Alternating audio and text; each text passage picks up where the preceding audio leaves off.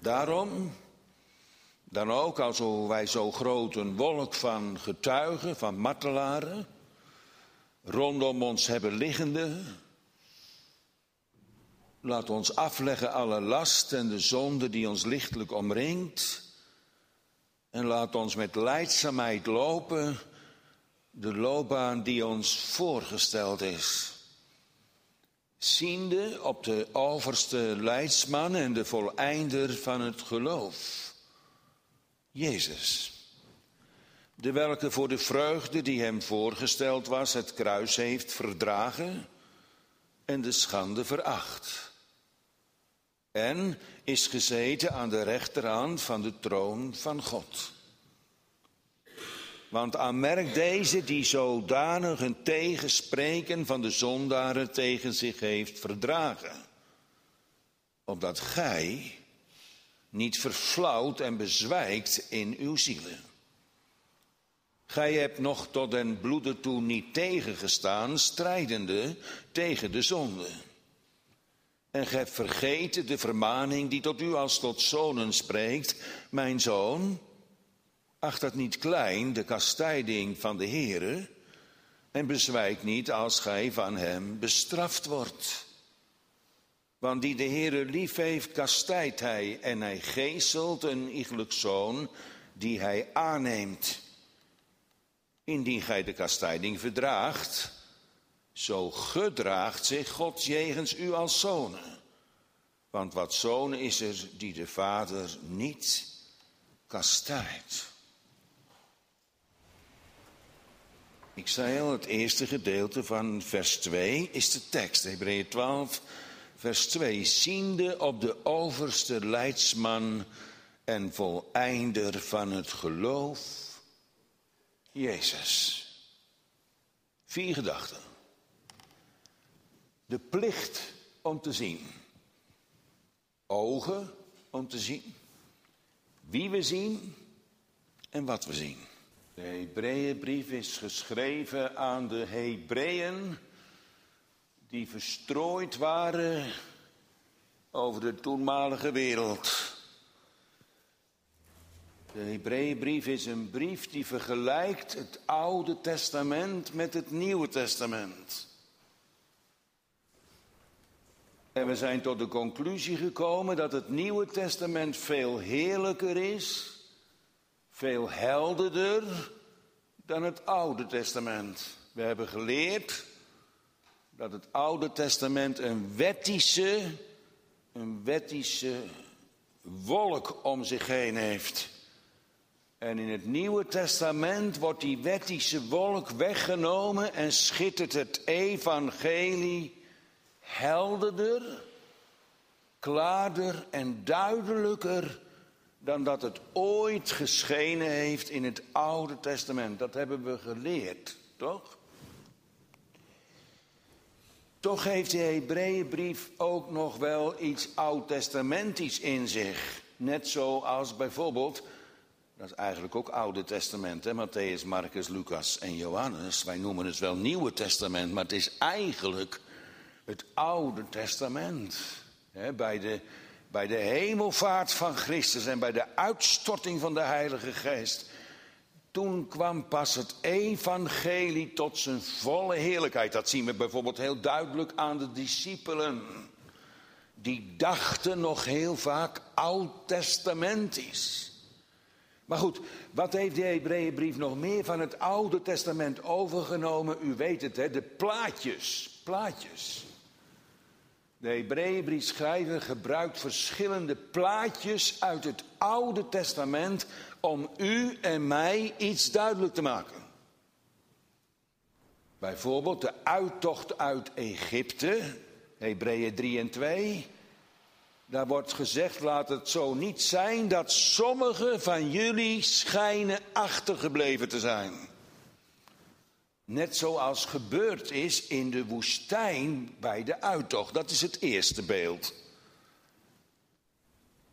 Het tweede beeld wat, wat gebruikt wordt is over, in hoofdstuk 6 over een zee, over een scheepje, een bootje, een loodsbootje. Paulus staat aan de oever van de zee en ziet de bootjes vertrekken richting de haven. Maar de meeste bootjes komen niet op de plek van de bestemming. Ze blijven halverwege steken, ronddobberen met een gebroken mast en met een lekkende schuit. Het derde beeld wat hij gebruikt is het beeld vanavond van de loopbaan. Een werelds beeld, de Olympische Spelen, de Griekse Spelen, ook in de dagen van de apostel Paulus. Het beeld van een tribune en een beeld van een loopbaan waar lopers op lopen. En Paulus tekent het ons met woorden hoe dat te werk ging. Want op die tribune, daar zaten de Bijbelheilige Abraham, Isaac en Jacob. Hij noemt ze getuigen. Mensen die niet meer leven, maar nog steeds getuigen van hun leven. En dat doen ze zonder woorden. De grondtekst, het woord wat gebruikt wordt voor getuigen, is martelaar. Het zijn de martelaren van het Oude Testament die op de tribune zitten. En waarom zitten ze op die tribune? Dat, daar is een, dat, is, dat heeft een doel, een doel, want zij getuigen. En zij bemoedigen, bemoedigen de lopers op de loopbaan. En ze zeggen tegen die lopers: volhouden hoor. Want ook wij hebben volhard. Het ging niet allemaal vanzelf. Er waren veel hindernissen. We hebben veel teleurstellingen moeten meemaken. We zijn verdrukt geworden en beproefd geworden. We hadden soms het gevoel dat we knikkende knieën hadden en trillende handen. En we hadden momenten dat we er niet meer langer tegenop konden. Het leek wel of het een nog niet weg was of het ander was al klaar. En toch, we hebben volgehouden. We zijn niet afgehaakt. Al was het soms kantje boord. Maar kijk, wij zijn getuigen. Wij hebben de loopbaan gelopen. En wij hebben het geloof behouden. En voor ons is er weggelegd een kroon van overwinning. Dus lopers op de loopbaan. Schep moed, schep moed uit mijn behoudenis. Dat is Hebreeën 12. Maar het zijn natuurlijk niet alleen de martelaren die bemoedigen, die een levend voorbeeld zijn. En zij hebben ook de eindstreep behaald. Maar er is meer aan de hand om de eindstreep te halen. Zo maar even aanstippen, want ik moet natuurlijk naar mijn tekst. Maar er is natuurlijk meer om die eindstreep te halen. Je moet wel alle lasten die jou lichtelijk omringt, die moet je wel afleggen hoor. Want als je met zware bepakking denkt om de eindstreep te kunnen halen, dan maak je wel een grote fout. Dus jullie moeten, als je op die loopbaan loopt, en je ziet daar de getuigen en je hoort ze zeggen, volhouden, dan moeten jullie wel afleggen. De zonde, die kun je niet meenemen op die loopbaan. Want dan word je daarin gehinderd als je met bepakking loopt. Daarom lopen de lopers met een lendendoek.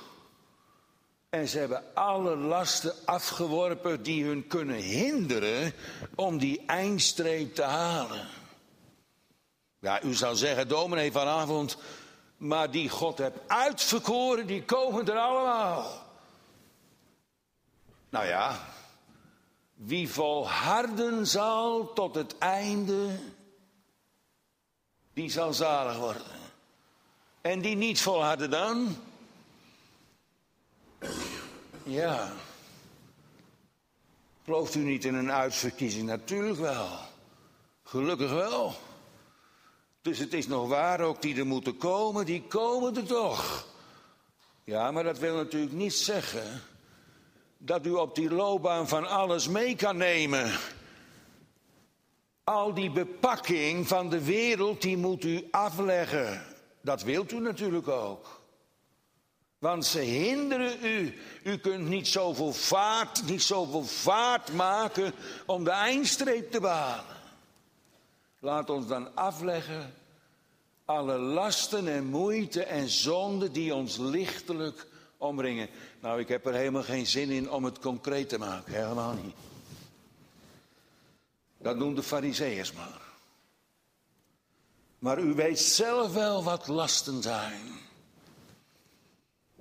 Misschien wel dat nare karakter van je.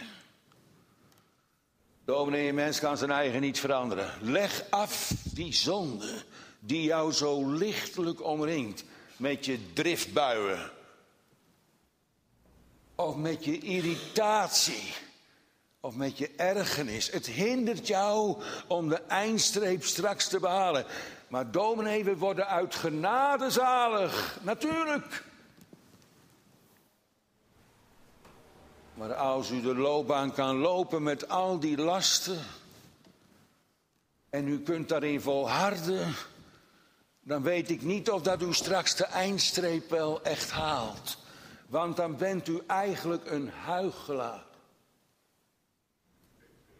Die lopen ook op die loopbaan. Die lopen met de massa mee. Maar de oprechte, die kunnen niet met die lasten blijven lopen. Die moeten vroeg of laat die lasten afleggen. Ik weet niet waar je aan verslaafd bent, waar je allemaal aan verslaafd aan kan zijn, maar het hindert je op de loopbaan. Nou, dat is nummer twee. Dat is nummer twee dan. Hè? Dus de getuigen hebben we.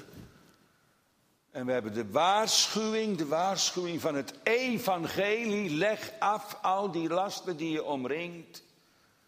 Maar er is nog iets, er is nog iets om het vol te kunnen houden. U moet het wel volhouden. Wat voelt dat onprettig? Je moet het volhouden.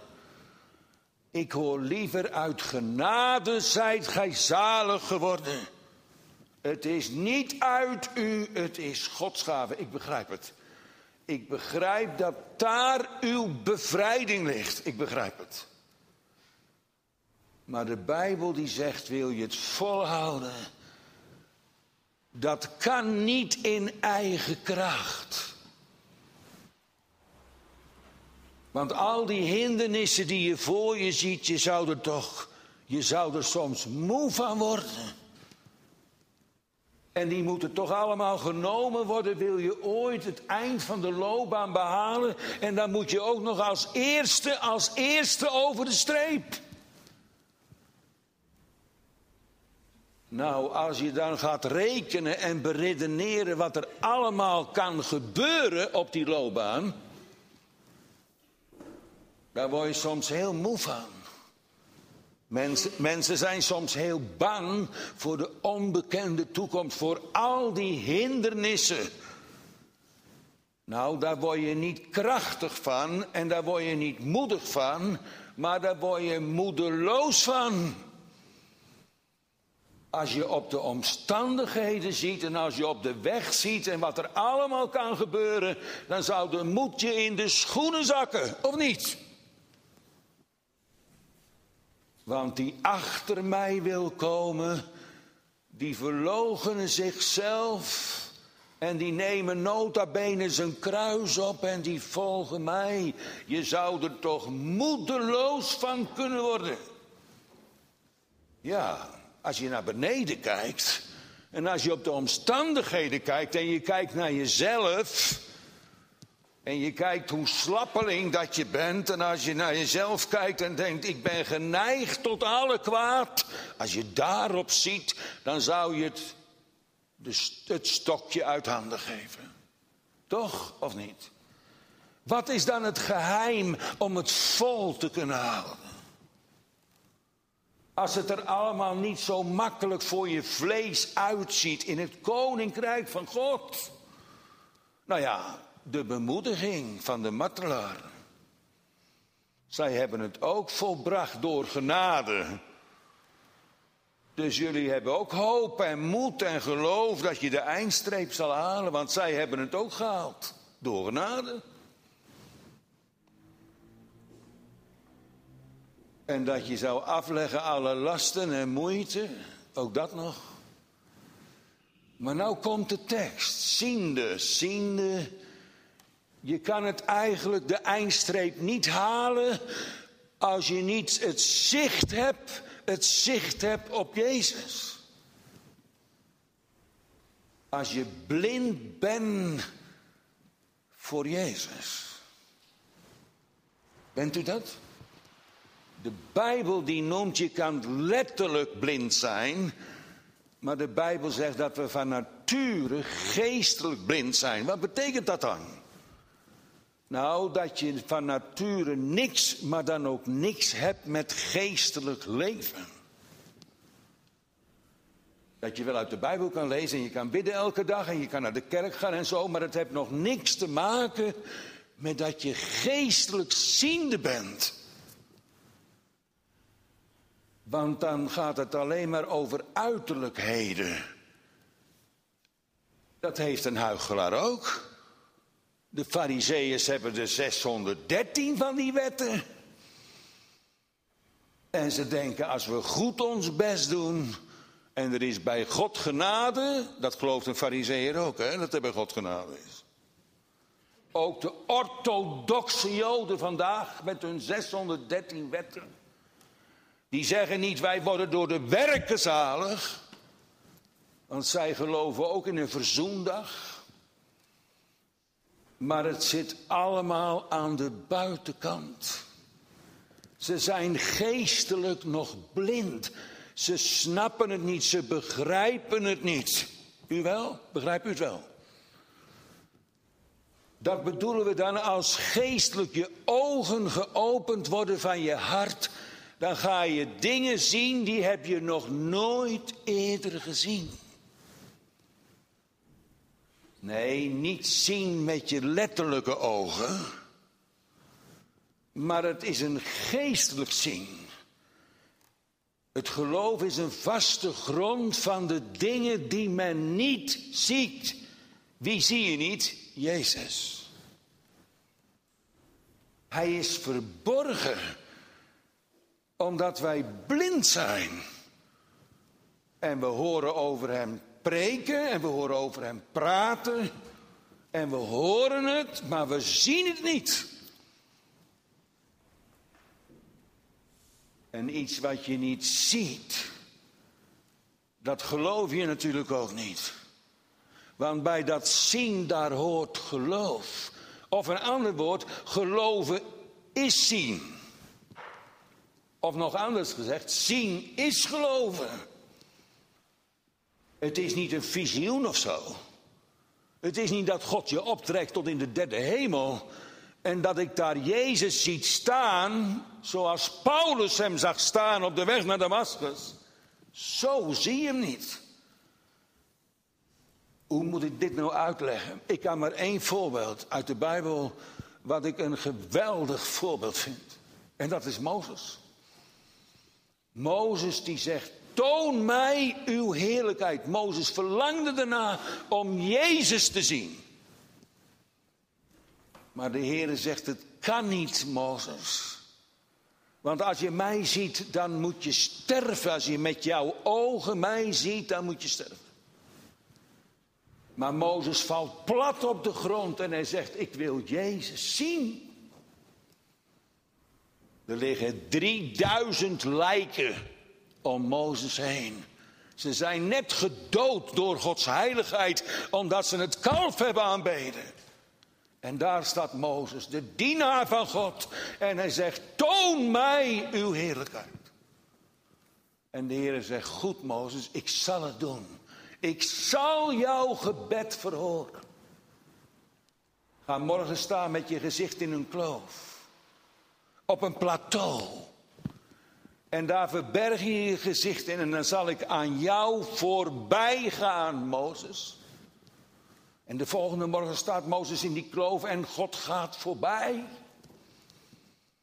Maar Mozes ziet niks. Hij moet zich blijven verbergen, want God is heilig. Maar hoe laat God zich dan zien? Door het woord. Het klinkt uit de mond niet van Mozes, maar uit de mond van de Heer. Barmhartig en genadig is de Heer. Langmoedig en groot van goede tierenheid. En Mozes hoort het. Luther zou zeggen, hij ziet, hij ziet met zijn oren. Zo doet God dat vandaag nog steeds. Dat wij Jezus zouden zien door het horen van het woord. Daarom schilder ik hem elke zondag voor je uit. Je krijgt geen droom, je krijgt geen visioen. Je krijgt niet zo'n wonderlijke openbaring zoals u dacht. Het is nog veel wonderlijker. Je ziet het niet, maar je hoort het. En terwijl je het hoort, zie je het. Wat zie je dan? Een wit kleed met lange haren. Nee. Met een blauwe draad onder in de zoom. Nee. Wat is Jezus zien dan? Wat betekent dat dan? Dat je ogen van je hart opengaan. Waarvoor? Voor de schoonheid. Voor de lieflijkheid. Voor de heerlijkheid. Wie Jezus Christus is. Terwijl ik hem niet ziet met mijn ogen.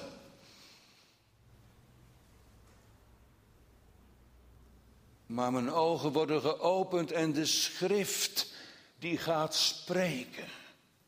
Ik ben het brood des levens. Zie hem? Zie hem?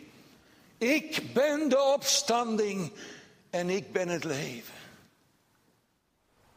Zo laat God zijn zoon zien. Daar hoef je niet 2000 jaar geleden voor geleefd te hebben. Want u had daar niks gezien. Want je kunt het niet met je fysieke ogen zien. Dan had u gezegd, het is een gewone man. Ik zie niks bijzonders aan hem. En wie bewijst mij dat hij de zoon van God is? Zo had u gereageerd. Maar u ziet hem vanavond uit de schriften wordt die aan ons verklaard. Word ik geroepen om Christus uit te schilderen in zijn eigenschappen, in zijn liefde, in zijn barmhartigheid, in zijn geduld, in zijn volmaaktheid. En ik doe dat niet zomaar vrijblijvend of zo. Dat denkt u. U denkt misschien, ik ga straks weer naar huis. Dan heb ik het weer gehad. Nee, u hebt het niet gehad, want Christus is u voor de ogen geschilderd. Met welk doel dan? U hebt een heel ander doel voor ogen, denk ik, want u bent blind. U denkt dat u het op een rijtje hebt, dat u God kent. En u spreekt over zijn heiligheid en rechtvaardigheid. U spreekt over oordeel en over dood. Maar u bent blind. U hebt geen recht, geen recht zicht op Jezus. Dat heeft niemand van nature, ik niet en u ook niet. We hebben wel veel godsdienst, en we hebben veel tradities en we hebben een opvoeding die klinkt als een klok, maar we zijn blind.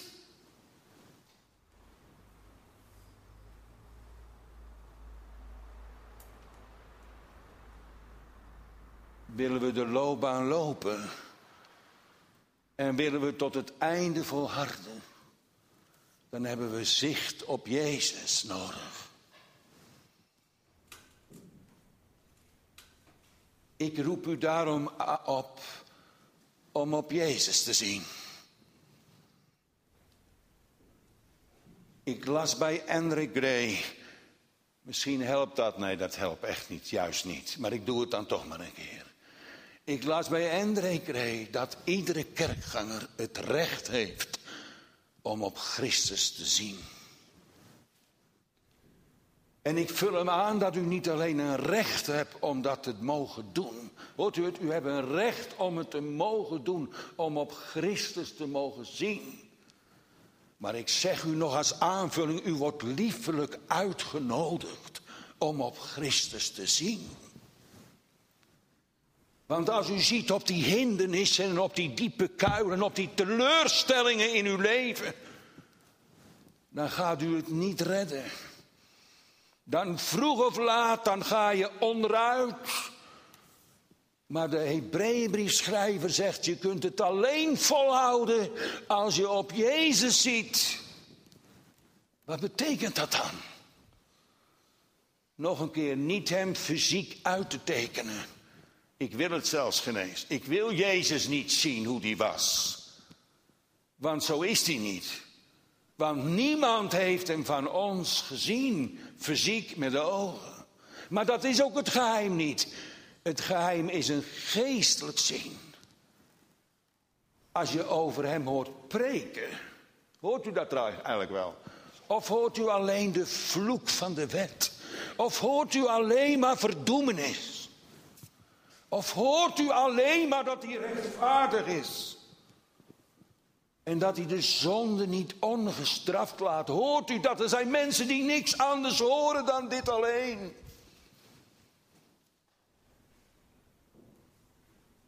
Maar hij moet ook verkondigd worden, het evangelie. Het is de man van smarten. Het is vaders, vaders welbehagen. Het is het liefste wat God had. De rechter van hemel en aarde, het liefste wat hij had. Dat heeft hij naar deze wereld gezonden, omdat u op hem zou staren. Doe je dat wel eens? Mijn moeder zei vroeger altijd, als je niet slapen kan, dan moet je schaapjes gaan tellen. Maar ik heb mijn kinderen iets anders geleerd. Ik heb gezegd, als je niet kan slapen, noem dan de naam van Jezus maar. Net zolang totdat je in slaap valt. Heb u dat ook wel eens? Dat die naam, die naam zo dierbaar is. Omdat je het gezien hebt, gezien hebt met de ogen van je hart. En niet alleen gezien, maar erop vertrouwd, op vertrouwd hebt. En waar dat zien komt, hè, dat kan niet anders, maar dan volgt ook de liefde. Dat kan niet anders. Je kan niet Christus zien en niet weten van zijn liefde. Want dat gaat samen door het zien op Jezus. Ga je hem meer lief krijgen. Wie verlangt er meer om van Jezus te weten? Wie? Wie? Eerlijk zijn, hè? Eerlijk zijn. Zomaar onverwachts, midden in de dienst, zo'n vraag. Wie verlangt er meer naar de liefde van Christus? Dat u zegt, dominee, hoe krijg ik meer de liefde tot Christus? Door hem op hem te zien. Hoe meer dat je op hem gaat zien, hoe heftiger en meerder de liefde wordt door het zien op Jezus. Mag dat? Mag dat, hè? Mag je zomaar op Jezus zien? In al je ellende, in al je zwakheid, in al je gebreken. Ja, juist, juist, juist dan, dan op Jezus zien zodat je ook hier in je hart de liefde mag proeven. En ik verzeker u dat die liefde, de liefde der vrouwen Willem, verre te boven gaat. Maar je moet wel verstand van zaken hebben. Als je nog nooit op hem gezien hebt. Als je nog nooit verbaasd geweest bent van zijn onuitsprekelijke liefde jegens mij. Dan moet je er niet over praten. Want dan doe je het werk van de Heer tekort. Maar ik roep u op. De tekst in Jezaja, bent u naar mij toe en wordt behouden. Dat is natuurlijk een geweldige tekst, dat noemen wij een onvoorwaardelijke belofte.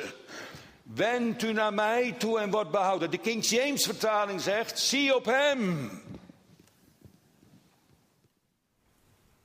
En niet alleen bij die tekst, maar ook in Jesaja 65 waar staat, ik ben gevonden van degenen die naar mij niet hebben gevraagd. En die mij niet hebben gezocht tot dat volk dat naar mijn naam niet, niet genoemd is. Tegen dat volk heb ik gezegd, zie hier ben ik. Zie hier ben ik. En de King James vertaling vertaalt daar weer, zie op hem. Al ben je niet naar zijn naam genoemd, daar, daar wordt natuurlijk bedoeld Israël, Gods verbondsvolk. Maar de Heere zegt, al ben je niet bij dat verbondsvolk, al hoor je daar niet bij. Ik heb tegen jullie gezegd, zie op mij. Vertrouw op mij. Hoor je het nou? Al ga je geweten nog zo tekeer. Al ga je gevoel er tegen in, maar je schreeuwt het uit. Zie op hem. Het geloof dat zegt, u, u bent het die mij oproept om op uw zoon te zien. Maar wat zie je dan? Wat zie je dan?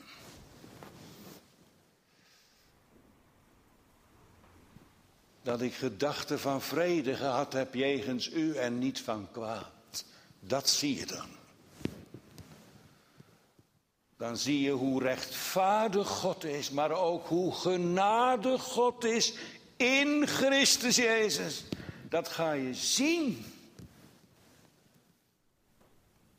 Nou, als de prediker zegt, zie het lam van God, wat de zonde der wereld wegdraagt.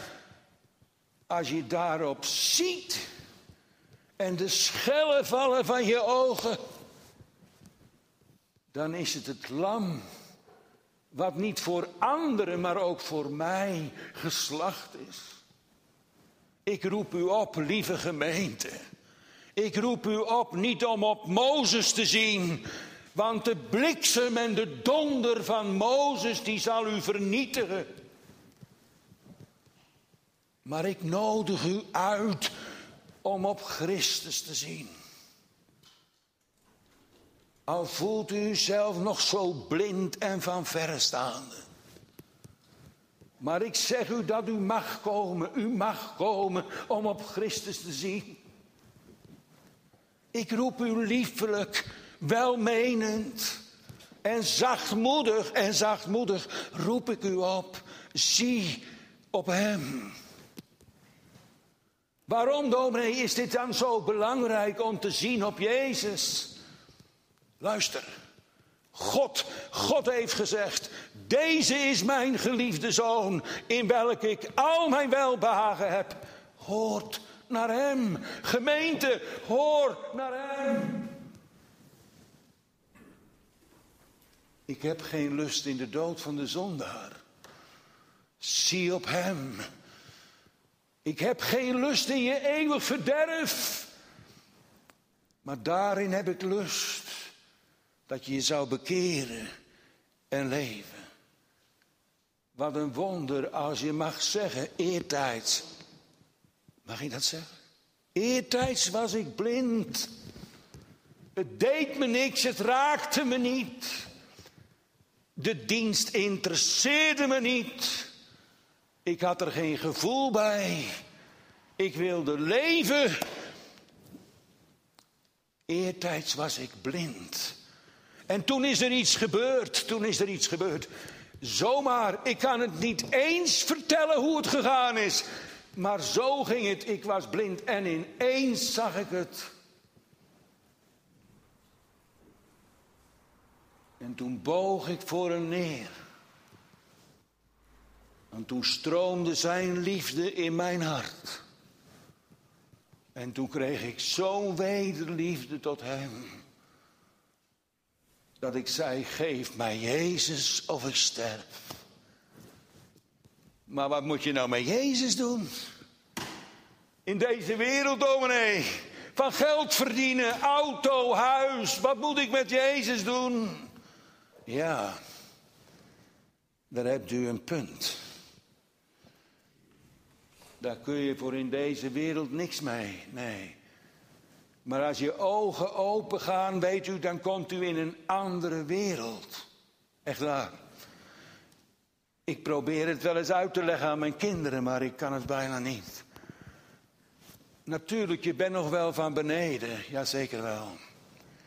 Maar je thuis, je thuis is niet meer hier. Hoe komt dat dan? Omdat ik Jezus gezien heb. En ik wil eigenlijk maar één ding, dat is dicht bij Jezus zijn. U ook? Hou je eigen niet voor de gek hoor. Ik bedoel dit heel liefdevol hoor. Het zijn niet zomaar vijf letters, dat zeggen andere dominees, maar ik ga het nou ook een keer zeggen. Het is niet zomaar vijf letters. Maar het heeft iets te maken met wedergeboorte. Je gaat anders denken, je gaat anders praten, je gaat anders leven en je gaat anders met de dingen om als vroeger. Vroeger was er maar één belangrijk en dat was jij. En je wilde je zin hebben, en je wilde het goed hebben en je wilde genieten. Maar toen je Jezus gezien had, zo was het toch of niet? Toen je door de kassen liep, toen was al dat aardse was maar van beneden, maar er was iets hogers, iets heerlijkers, iets groters. Je kon met je ogen niet meer van Jezus afblijven. Als je s'morgens wakker werd, dan wilde je je hart uitstorten, misschien achter het stuur van je auto. Wilde je contact, contact met hem hebben? Wilde je bijbels gezien gemeenschap met Jezus hebben? Hoe kwam dat dan? Mijn ogen zijn geopend. Even pastoraal, maar ik bedoel het echt heel liefdevol, hè? Dat geloof u soms niet, maar het is wel echt waar. Er zijn ook dominees die leren als je je zonde leert kennen, dat je ogen dan open gaan. En dat je dan zegt, vroeger was ik blind en nou zie ik en dit geloof ik nou juist niet. Ik geloof wel dat de Bijbel leert dat de wet onze zonde laat zien, maar hij kan de zondaar niet levend maken. Dat kan de wet niet.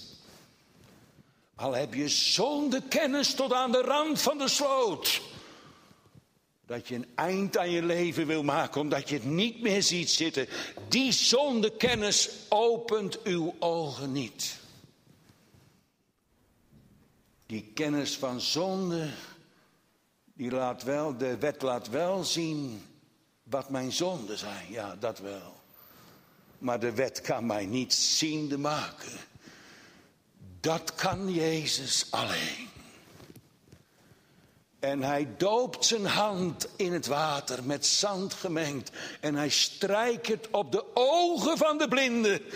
Een dwaasmiddel. Dwaasheid, dwaasheid. Het is nog gevaarlijk ook. Maar hij werd ziende. Zo maakt God vandaag ook mensen geestelijk ziende. De tijd is bijna om, hè. Maar ja, je hebt die Jezus niet alleen nodig, moet u horen hoor. Om te mogen weten dat je zonden vergeven zijn. Dat hoort ook bij het zien op Jezus. Dat is niet iets wat je later krijgt of zo. Of wanneer je heel veel meegemaakt hebt en dat je eerst levend gemaakt wordt en daarna wedergeboren. Enzovoort. Nee, zo niet. Wanneer ogen open gaan voor Jezus. Voor de heerlijkheid van Emmanuel. Dan zeg ik u, uw zonden zijn u vergeven. Dan zeg ik u in naam van mijn meester. U bent een kind en een erfgenaam van het eeuwige leven. En dan verkondig ik u dat u niet in de verdoemenis komt, omdat u Jezus gezien hebt. U hebt u zelf overgeleverd. Zo was het toch, hè? Zo was het toch. Sommigen kunnen die dag gewoon aanwijzen. Dat ze zeggen, het was toen en toen, toen kon ik niet langer meer mijn tegenstand handhaven. Toen boog ik en ik geloofde. En ik zag Jezus met heerlijkheid bekleed. En hij zei tegen mij, ik voor u, daar gij anders de eeuwige dood verdiend hebt. Het zien op Jezus. Lieve Heer Jezus, ik verlang om meer van u te zien. Ik wil u beter leren kennen. Ik wil meer uw liefde proeven. Leer mij meer te wandelen door het geloof. Opdat ik meer en meer mag weten, weten wat mij in Christus geschonken is. Maar ook omdat ik in het leven van alle dag, wat soms niet simpel is en soms niet eenvoudig is, waar je tegenstand krijgt, hindernissen, moeilijkheden, verdriet. Waar moet ik anders heen dan tot Jezus alleen? Hij is mijn overste leidsman. Er staat eigenlijk in het, in het Grieks, hij is een vorst. Hij is voorop gegaan. En hij, is, hij heeft mij geleid, bij de hand genomen. Ik mag weten op de loopbaan dat hij mijn overste leidsman is. En ik mag ook weten door het geloof dat hij de voleinder is van het geloof. Want hij heeft de loopbaan volmaakt gelopen. Hij heeft volmaakt de eindstreep behaald. Hij heeft volhard, hoort u het? Hij heeft volhard in het geloof. Zelfs toen hij daar hing, nedergedaald ter helle. Toen hield hij vast aan zijn vader. Hij is de volleinder. Hij heeft nooit losgelaten. Hij heeft altijd vastgehouden. Kom, christenstrijder, voorwaarts. Neem uw kruis op. Zie op Christus. Vertrouw op Hem. Neem het woord ter harte. Open de schriften. En u zult hem ontmoeten. En hij zal zich aan u openbaren, meer en meer, door de schriften omdat u door het geloof, ook als uw stal leeg is, als er geen rund is in de stalling, dat je nochtans mag zien, mag zien op Jezus. Al loop je huwelijk stuk, dat je zien mag op Jezus. Dominee, til je dat er bovenuit? Wat dacht u? De ene keer wat gevoeliger dan de andere keer. De ene keer wat met diepere indrukken dan de andere keer. Maar er is één ding wat je hoofd boven water houdt. Jezus. Hoor u ook? Wil u ook zo de loopbaan lopen? En dan de hindernissen, die nemen we op de koop toe erbij. Want wij weten dat het goed is wat Vader doet. Maar Heer Jezus, verberg u voor mij niet. Dat hebben u misschien ook wel eens, hè, dat hij zich verbergt. dan heb je een honger en een dorst om Hem te zien. Dan zing je met David, hijgend het der jacht ontkomen. Op de vlucht voor de jagers. De pijlen hebben het hert reeds geraakt. Het is verwoond. En hij hoort in de verte het water bruisen. Mijn ziel verlangt, mijn ziel verlangt naar God. Waarom, mijn jongen? Waarom verlang je ziel naar God? Omdat ik God gezien heb in Christus Jezus. Omdat ik ervaren heb door het geloof dat Hij mijn meester is, mijn Heere en mijn God. En ik ben Hem kwijt, tenminste voor mijn gevoel. Ik weet dat Hij niet ver weg is, maar ik kan Hem niet vinden. Ik verlang naar mijn Jezus. Om boodschappen met Hem te doen. Wat zegt u nou dan? Om mijn slaapkamer in te gaan met Jezus. Achter het stuur van mijn auto te zitten en op Hem te steunen, me aan Hem toe te vertrouwen, goede gedachten te mogen hebben van mijn lieve Meester, die, die zich doodgeliefd heeft om mij uit de dood te kunnen verlossen. Wie wil er Jezus zien? Ja, of nee? Als u niet wenst te zien in zijn genade. En hem niet wenst te zien in zijn liefde, dan zult u hem straks zien. Dan zult u straks Jezus zien als rechter. En die zal zeggen, jij hebt op zondagavond voor mij niet willen. Zou je rechten willen laten gelden om behouden te zijn? André Gray schreef aan het einde van zijn preek: Ik zeg u, onthoud dat u eens van de kansel van Valburg is gepreken. Zie op mij. Niet tot eenmaal toe, maar tot tweemaal toe en tot driemaal toe heb ik het u bevolen. Zie op mij. En weet dat de dag nadert. En misschien wel heel dichtbij is waarop deze woorden u weer voor het eerst voor de geest zullen komen. En dat u uit zal roepen, wat heb ik, wat heb ik gedaan? Dat ik niet op Christus wilde zien. Amen.